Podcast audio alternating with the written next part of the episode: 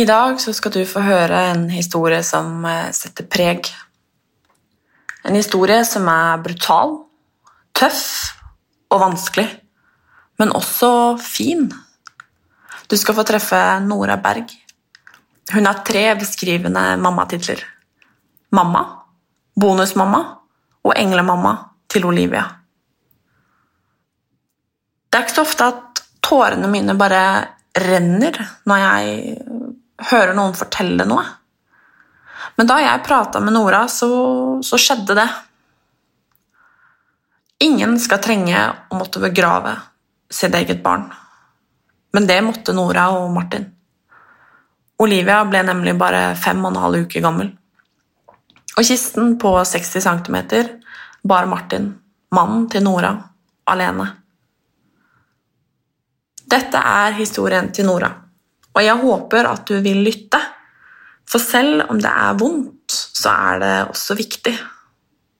Det er fint, det er lærerikt, og det er dessverre livet.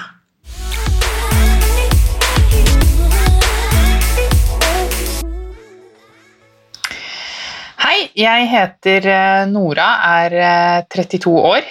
Jeg er gift med Martin, som er eh, straks 41. Jeg har en bonusdatter på straks 11, eh, og englemamma for Olivia, som døde når hun var fem og en halv uke. Og så har jeg en datter, Oline, som straks er 19 måneder. Jeg er født og oppvokst i en pakistansk familie, men i Norge. Eh, og har alltid følt meg mer norsk. Så det har jo hele livet krasja litt eh, med den kulturen jeg vokste opp i. Så det har jo vært litt uh, vanskelig for min del å vokse opp i to kulturer. Um, jeg har alltid følt meg litt utenfor. Uh, det har aldri helt følt meg 100% pakistansk. Følt meg egentlig norsk. Uh, men når man vokser opp i en pakistansk familie, så krasjer det litt med de kulturene. Men samtidig så er det fantastisk å kunne, kunne flere kulturer, for det er jo mye fint i andre kulturer også. Men jeg har vel aldri følt meg 100 hjemme noen steder, i og med at eh, hvis man har vært i Pakistan, så er jeg utenlandsk, og i Norge så er jeg utenlandsk fordi at jeg er mørk. Eh, og det spørsmålet har jeg vel fått mange ganger i forhold til hvor er du fra? Og hvis jeg sier norsk, så Men hvor er du egentlig fra? Uh, og det er jo alltid like vanskelig, fordi at siden jeg har en mørk hudfarge, så er jeg tydeligvis ikke 100% norsk. Og det, er, eh, det, har egentlig alltid vært litt sårt. Eh, og jeg vokste opp med litt lite venner. Eh, man kjenner jo gjerne mange, men det er ikke så veldig mange venner. Og det har også vært sårt i forhold til eh, oppveksten, da.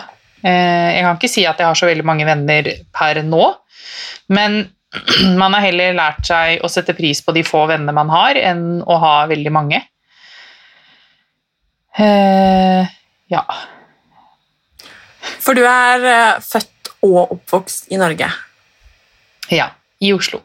I Oslo. Hvor i Oslo da? Jeg er fra Haugerud. Jeg er født på Ullevål sykehus. Og født og oppvokst på Haugerud. Flytta vel fra Oslo da jeg var 19 år, så jeg har jo bodd min oppvekst i Oslo. Mm. Vi skal jo snakke om eh, både litt med dette og være fra Hva skal man si? Være fra to kulturer, kan man si det? Eller stå ja, i to kulturer? Det, ja, man er jo litt fra to kulturer, for foreldrene mine er jo opprinnelig fra Pakistan, og de er jo født og oppvokst derfra. Mm. Eh, så jeg vil vel kalle det at man er fra to kulturer. Mm. Det vil jeg absolutt. Og da, for Vi skal jo også snakke om dette å være englemamma. Um, og før vi begynner på det, så lurer egentlig jeg på hva er den største forskjellen på, en måte på den pakistanske kulturen og den norske kulturen? For jeg ser jo bare den norske, og for meg er jo det det er den jeg kjenner til, og det er den jeg kan. Den største forskjellen eh, nå spurte du litt vanskelig. det har jeg egentlig aldri tenkt så mye på.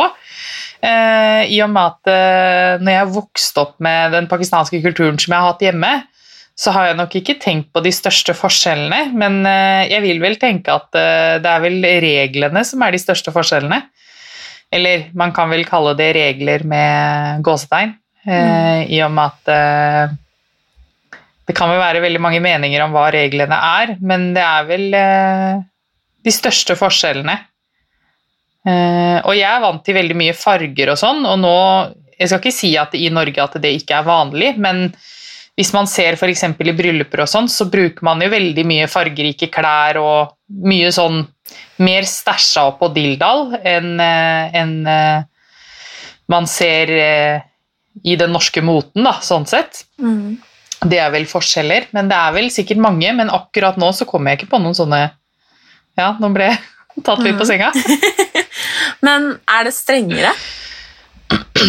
ja, det er det ganske mye strengere. Og så er det nok eh, strengere for jenter enn for gutter. Og nå, eh, selvfølgelig eh, gjelder ikke det alle, men det er eh, hovedsakelig så er det sånn. Eh, guttene har mye større frihet enn det jentene har. Dessverre. Det er i hvert fall en ting som liksom er fjernt for meg, da. Ja, det skjønner jeg eh, veldig godt. Jeg tror liksom aldri at at mamma og pappa har på en måte vært strengere med meg enn hva de har vært med broren min, f.eks.? Nei, og det, det veit jeg at er veldig fjernt for veldig mange. Eh, og selv om det er fjernt for meg, for hvis jeg skulle fått en sønn en gang i fremtiden, eh, så ville ikke jeg gjort forskjell på han eller Oline eller bonusdatteren min, da. Eh, det ville jeg aldri gjort. Eh, så for meg så er det fjernt, men grunnen til at jeg forstår forskjellen, er fordi at jeg har levd med det. Og jeg har sett det i den kulturen at det er forskjellsbehandling på jenter og gutter.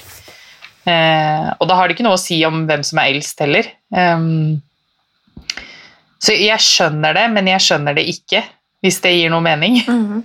Men hvorfor, hvorfor tror du at det er sånn? Er det liksom fordi det er tradisjonelt, eller er det fordi det rett og slett er gammeldags? Eh, litt begge deler. Eh, veldig mye henger igjen det av det gamle.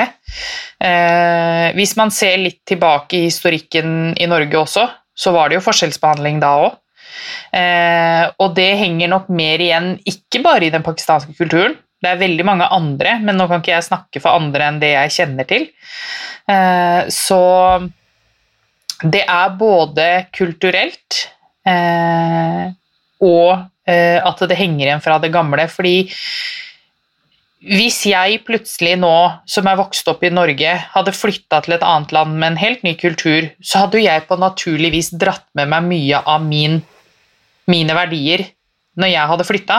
Og på samme måte har det vært fordi eh, foreldrene eller de som er vokst opp i Pakistan, og drar med seg det når de flytter hit. Det er jo ikke sånn at man bare kan viske ut den eh, oppveksten man har hatt, eller viske ut den kulturen man har vokst opp med, eh, og så starte helt på nytt. Man tar jo gjerne med det, det vi tenker, da. Jeg og Martin eh, har snakka mye om det her, i og med at eh, han er jo født og oppvokst og er etnisk norsk. Um, så har vi snakka veldig mye om hvordan vi ønsker å oppdra Oline. Og vi tenker at vi skal ta med oss det beste fra to kulturer. Så vi har jo på en måte tatt valgene med å eh, døpe henne. Eh, men så får hun lov til å velge når hun blir eldre om hun vil fortsatt være kristen, eller om hun vil velge en annen religion eller ikke en religion. Men det har noe med Da har vi tatt med litt av tradisjonene.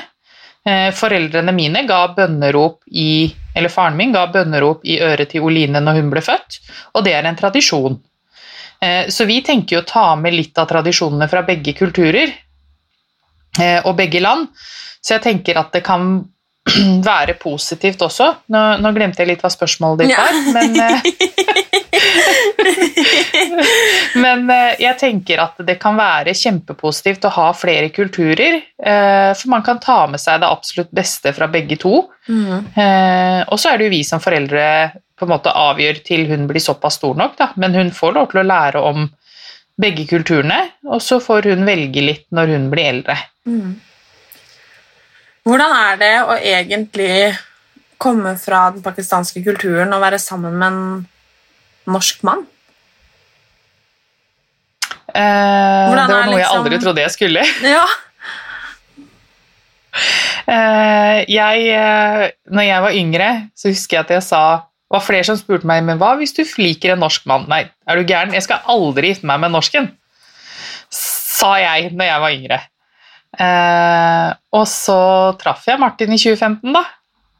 Eh, og trodde jo aldri at, eh, at vi, vi, skulle ende opp sammen.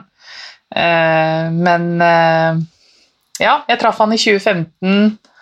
Vi gifta oss i 2017.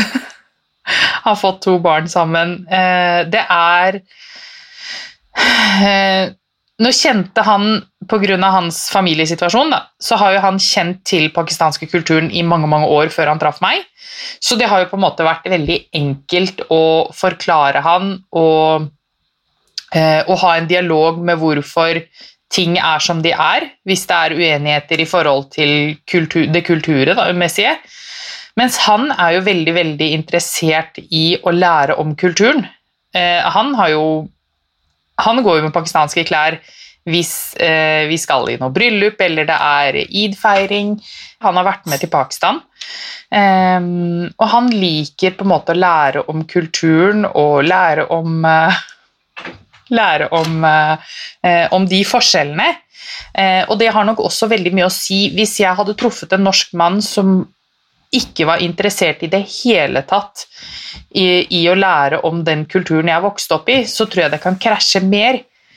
Fordi at uh, uansett om jeg føler meg norsk, så er jo jeg vokst opp med en annen kultur. Uh, og vokst opp med andre ting jeg har tatt med meg. Uh, og hvis det ikke hadde vært mulig å ha med i hverdagen eller livet generelt, så hadde jo det vært litt vanskelig. Så jeg tror det er litt viktig hvis det er andre i samme situasjon, at man på en måte kan gi og ta litt. Da. Og det er jo generelt i et forhold. Om man er eh, to pakistanske eller om man er to norske, så er det jo gi og ta hele tiden. Um, men jeg føler ikke at det har vært noe utfordring. Vi har på en måte hele veien tatt avgjørelser sammen og vært enige om hvordan vi skal gjøre ting. Så vi har jo aldri vært uenige. Så jeg tenker at jeg har vært veldig heldig med den mannen jeg har òg. Um, ehm, igjen så glemte jeg spørsmålet ditt, men eh, Det er sånn det er når man har masse på hjertet og uh, mye ja. å prate om. Men jeg lurer jo på um, dette med å være englemamma. Ja. Um, jeg kjenner at jeg blir helt berørt bare av, bare av å tenke på det. Um, har du alltid alltid hatt lyst til å bli mamma? Ja. Mm. Siden jeg var liten, så har jeg alltid tenkt at Jeg har egentlig alltid tenkt at jeg har lyst til å bli ung mamma. At jeg ikke skal være så gammel. Eh, og det var min tanke. Det er ikke noe fasit på når man er gammel mamma eller når man er ung mamma. Men jeg eh, har alltid ønska meg barn. Eh, men det har jo vært viktig for meg å finne mannen i mitt liv før jeg skal få barn, så det har på en måte ikke vært at jeg bare skal få barn for å få barn. Eh, men det var jo litt vanskelig da Jeg brøyt jo med min familie i 2014 eh, av ja, grunnen til det var jo at jeg følte meg veldig skvist, som jeg har sagt litt tidligere, i forhold til to kulturer. Ehm, det er eh, et av de tøffeste valgene jeg har tatt i mitt liv. Eh, det å flytte ut som voksen eh, uten å ha noe nettverk, eh, nesten ingen venner, å sitte der helt alene fordi at det største nettverket du har hatt, har vært enten innenfor familie eller andre venner som på en måte kjenner deg via familien, og sånn, så er det jo veldig mange som kutter deg ut når du tar et sånt valg, for det er jo ikke et valg som er veldig vanlig. Igjen for deg så kan det kanskje høres fjernt ut at jeg var rundt 25 når jeg flytta ut. Eh, og i Norge så er jo det ganske uvanlig å bo hjemme når man er så eh, gammel, men i den pakistanske kulturen så bor du gjerne hjemme til du gifter deg. Men jeg valgte å eh, flytte ut for å Ja, den berømte setningen 'finne meg selv'. um, Hvordan i alle dager jo, var det? Uh, helt jævlig. Uh, aldri i livet følt meg så ensom, alene, forlatt. Og så kan man jo si at jeg var jo ensom fordi at jeg tok valget selv. Men selv om det var det tøffeste valget jeg tok, så tror jeg ikke jeg har tatt et bedre valg for meg selv i livet. Um, og i over fem år så hadde ikke jeg noe kontakt med familien min. Uh, det har eh, vært en enormt stor psykisk påkjenning. Uh, jeg hadde det på ingen måte lett eller greit. Eh, og dette her Jeg syns det er så viktig å si at det har aldri handla om hvor glad jeg er i mine foreldre eller familien. Det her har kun handla om meg selv. Eh, og det har vært tøft å være helt alene, ikke kunne dele det med noen, eh, ikke kunne snakke om det. Har vært tøft. Men jeg kan nok ikke snakke så detaljert om det, da jeg ikke ønsker å henge ut noen eh,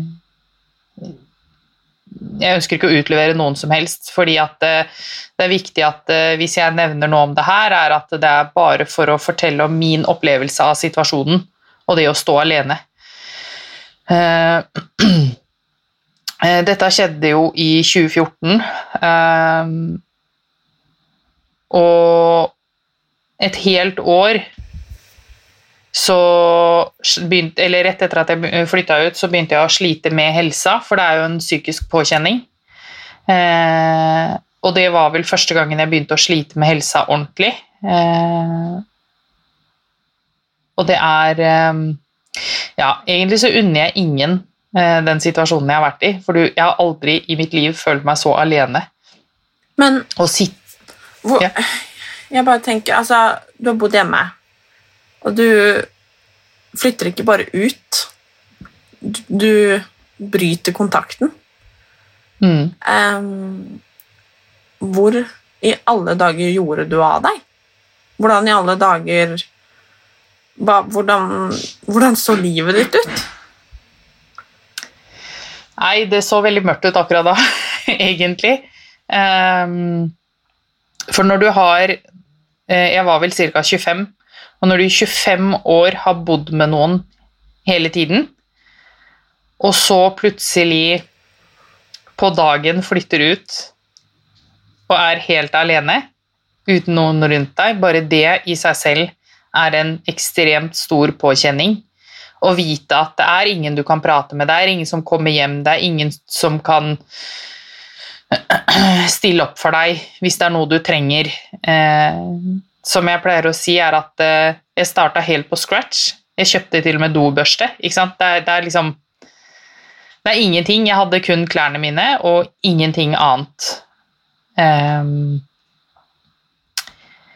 uh, det jeg gjorde av meg selv, var at jeg bodde litt her og der uh, av de som visste om situasjonen min. Og sakte, men sikkert så har jeg eh, bygd meg opp til å både være psykisk sterkere og kunne takle det å være alene.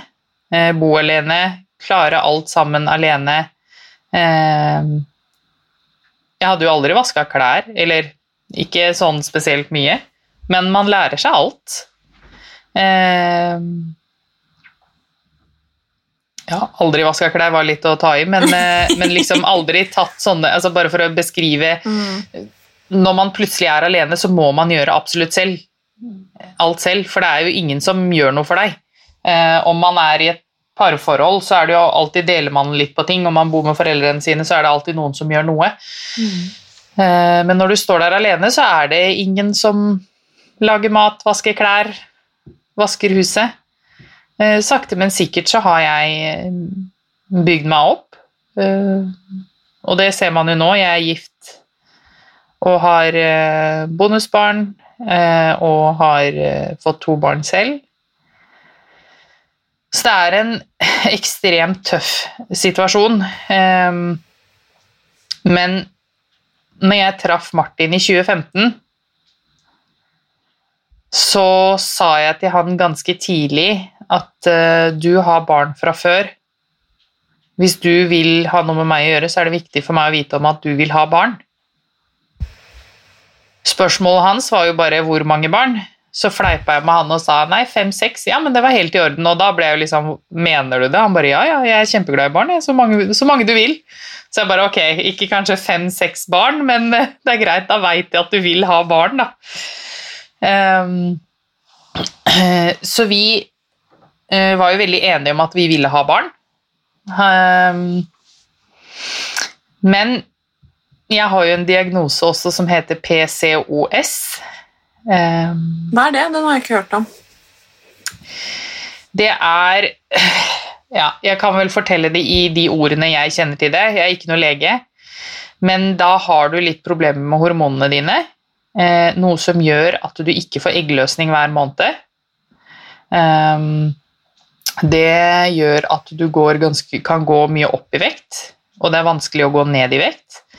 Eh, Det gir deg, eh, som jeg har skjønt det, så kan det gi deg mer av de mannlige hormonene, så du kan også få uønska hårvekst. Eh, Du kan få det i ansiktet, du kan få det mer på kroppen. Det er liksom ubalanse i hormonene. Da.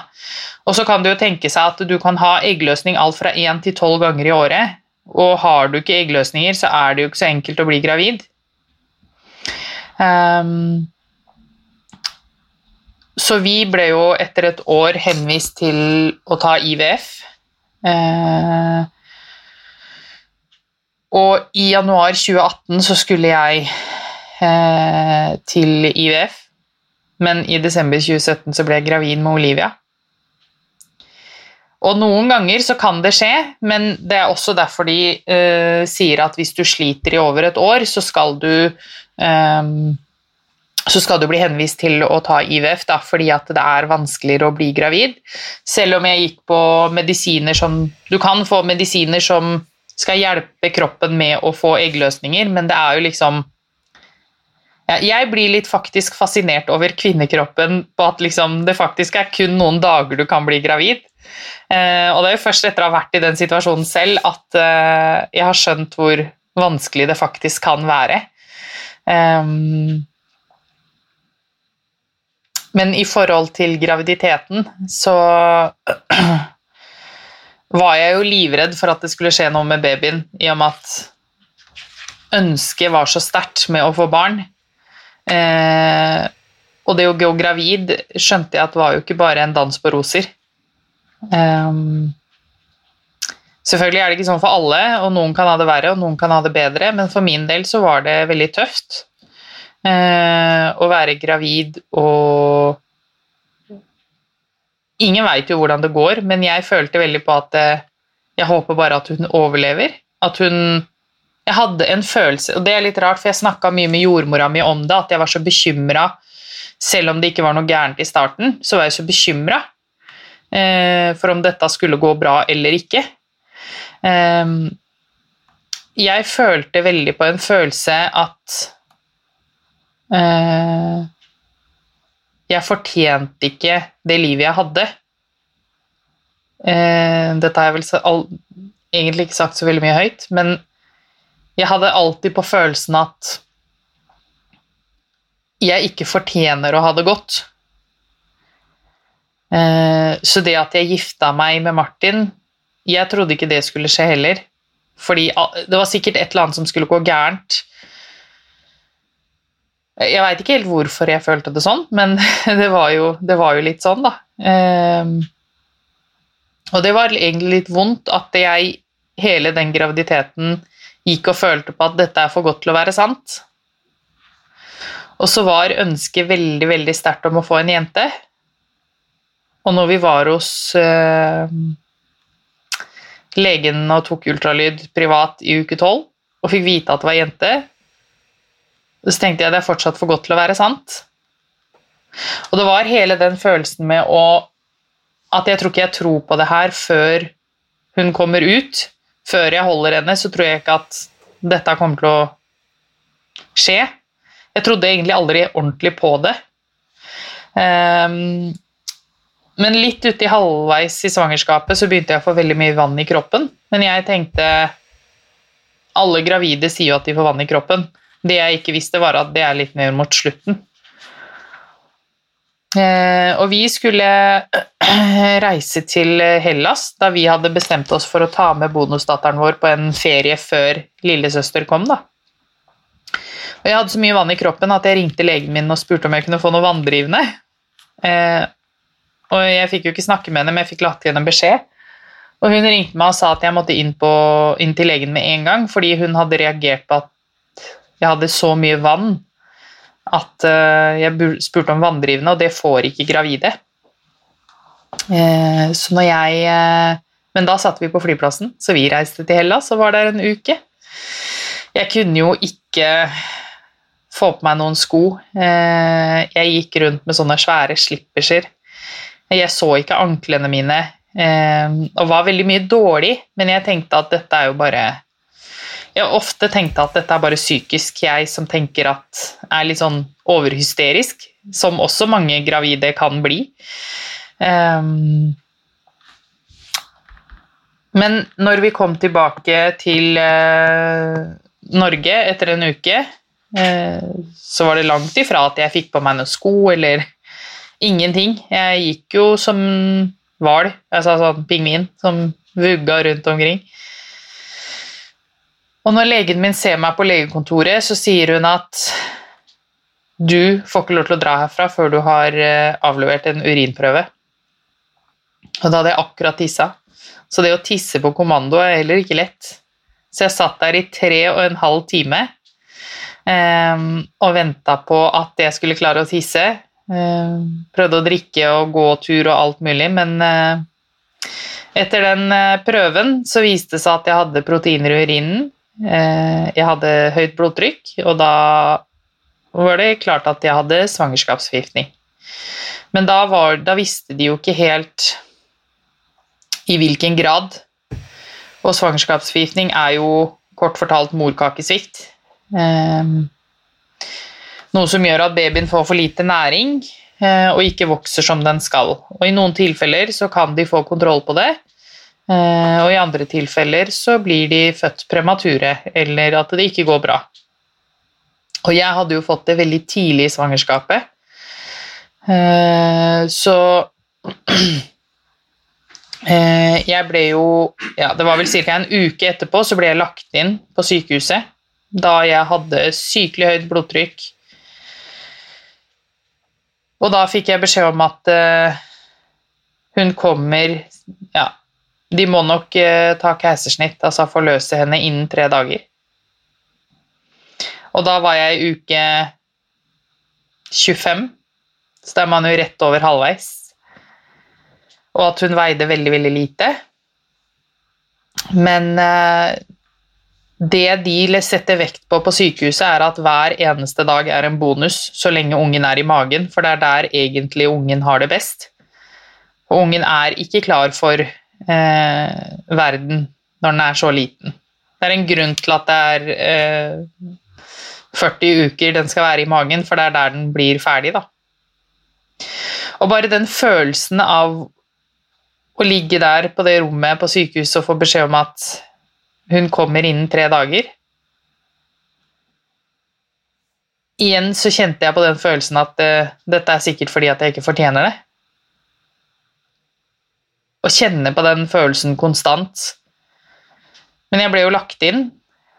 Uh, og jeg hadde visst en av de alvorlige typene av svangerskapsforgiftning der de aldri fikk kontroll på blodtrykket eller noen ting fordi det svingte så veldig mye. Og jeg hadde jo egentlig ikke satt meg inn i hva svangerskapsforgiftning var, så når de sa at jeg hadde det, så visste jeg ikke hva det var. For det er så viktig å ikke sette seg inn i de negative sidene av en graviditet, fordi du kan jo ja, du kan jo google deg i hjel. Har du vondt i fingeren, så kan du sikkert dø av det òg, hvis du googler nok. Så jeg var veldig opptatt av å ikke google dette her, kun høre på hva legene sa. Etter at jeg ble lagt ut, så klarte de på en måte å kontrollere fra dag til dag lite grann. Eh, og de klarte å kontrollere det i to og en halv uke. Eh, så i uke 28, altså tolv uker for tidlig, så ble hun tatt med hastekeisersnitt, fordi da var det fare for mitt liv. Det kunne jo være litt sånn underveis. I dag var det fare for mitt liv, og neste dag så var det fare for hennes liv. Det er litt sånn fra dag til dag så må de vurdere hva som er best å gjøre. Men da ble det hastekeisersnitt, og hun veide kun 710 gram og var 32 cm lang. I uke 28 skal man egentlig veie ca. rundt 1100 gram, Eh, så hun var allerede veldig liten.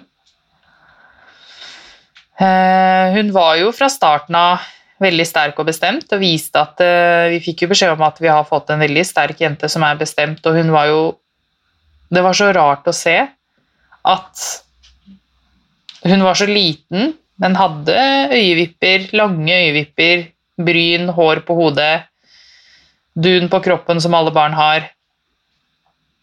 Hun var på en måte ferdig lagd, men det var jo i organene og kroppen som ikke hadde vokst så mye.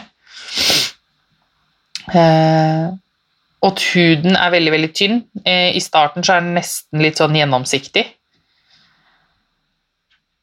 Så vi ble jo Ja, hun ble jo sendt til eh, nyfødtintensiven. Og fikk, vi fikk beskjed om at eh, i sånne tilfeller så er det som regel Hvis alt går bra, så får man dra hjem rundt termin. Det vil si, vi visste at vi hadde minimum tolv uker på sykehuset. Så vi forberedte jo oss på det. At vi skulle være og være på sykehuset så lenge. Men det viste seg jo at hver gang de prøvde å gi henne mat, næring, eller melk, da, Eh, så ble hun dårlig. Eh, og de skjønte ikke helt i starten hvorfor. Men de mistenkte at hun hadde noe som veldig mange premature barn får, og det er eh, nekk. Det er en type tarmsykdom, fordi at organene er jo ikke ferdig innvendig. Så Men problemet var at hver gang de tok eh, ultralyd eller røntgen av henne for å sjekke tarmene, så så de ingenting. Og i noen, noen få, få tilfeller så er det sånn at barnet kan ha det, men det syns ikke fordi at det kanskje er på baksiden av tarmen, eller det skjuler seg, da. Og legene sa at de ville jo ikke operere et så lite barn med mindre det var veldig, veldig nødvendig, fordi eh, det setter barnet veldig, veldig langt tilbake i tid. Så de valgte å ikke operere henne i starten. Og vi ble sendt Ja, hun ble født på Ahus, da, så vi ble jo sendt til Rikshospitalet.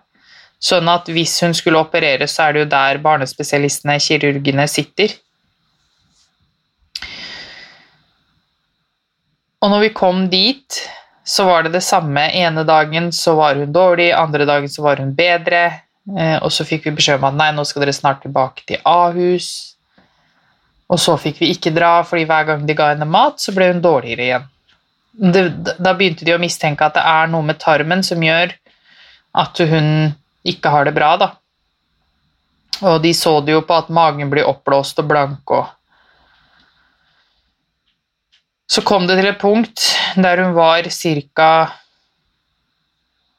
Jeg husker ikke 100 tider, men var, hun var ca. tre og en halv, fire uker, så sa de at nå må vi operere henne. Og vi håper jo at vi ikke finner noe, men det virker som at det er noe som gjør at hun ikke blir bedre, og da må vi nesten operere.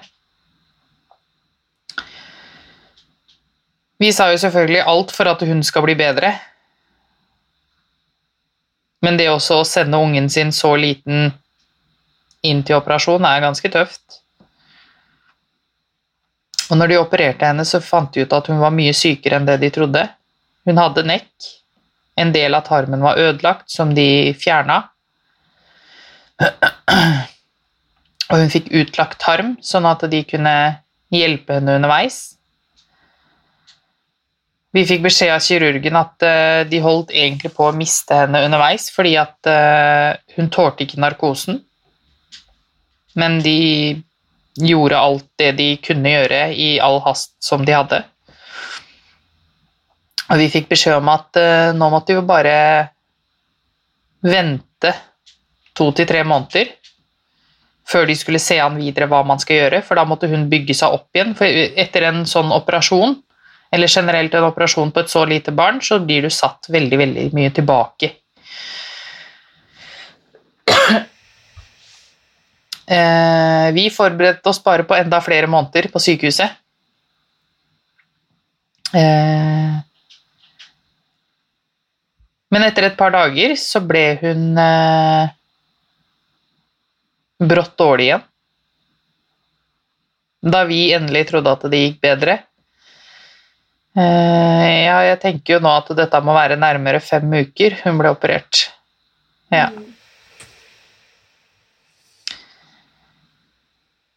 Tarmen fikk ikke noe blodtilførsel, og hun ble akutt dårlig. Og da sa legene til oss at uh, hvis de ikke opererer henne, så dør hun garantert. Men hvis de opererer henne, så overlever hun mest sannsynlig ikke operasjonen pga. narkosen som hun tålte så dårlig sist.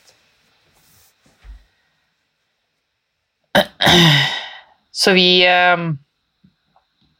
Vi hadde jo ikke så veldig mye valg da, enn å la de operere, fordi vi ville jo at hun skulle ha en viss sjanse til å overleve. Men legene sa at vi må være ærlige og si til dere at vi tror ikke dette kommer til å gå bra. Og det å følge ungen sin inn til operasjonsrommet der du tenker at det er siste gangen jeg ser ungen min levende Jeg husker ikke så egentlig så veldig, veldig mye av den dagen utenom at uh, Martin og jeg bare gikk rundt og rundt på Rikshospitalet. Jeg slutta å pumpe, for det var jo også noe jeg gjorde hver tredje time. For jeg tenkte det var jo ikke noe vits å pumpe mer, fordi hun skulle jo dø. Så jeg eh, slutta med det. Vi bare gikk rundt og begynte å tenke litt på hva skal vi gjøre hvis hun dør. Og så snakka vi litt sammen, og det var Det var veldig rart. Og det var ikke det på at vi på noen som helst måte skulle erstatte Olivia. For vi har jo alltid tenkt at vi skal ha et barn til. Det var liksom noe vi var enige om. Men vi tenkte at eh, det var på en måte ikke noe vits å vente med å på en måte prøve, men vi skulle ikke forhaste oss med å få et barn. Men at eh, vi var på en måte enige om at vi skulle prøve å få et barn til. Selv om vi ikke hadde gitt opp håpet til Olivia. Det, det er, jeg, når jeg sier det høyt, så hører jeg at det høres rart ut. Men når man sitter i en sånn situasjon, så tenker man så mye rart, og det er på ingen måte snakk om å erstatte barnet, men ønsket om å ha barn, som jeg sa til deg, jeg har hatt det siden jeg var liten. Så for meg så var det, var det så viktig å ha et barn.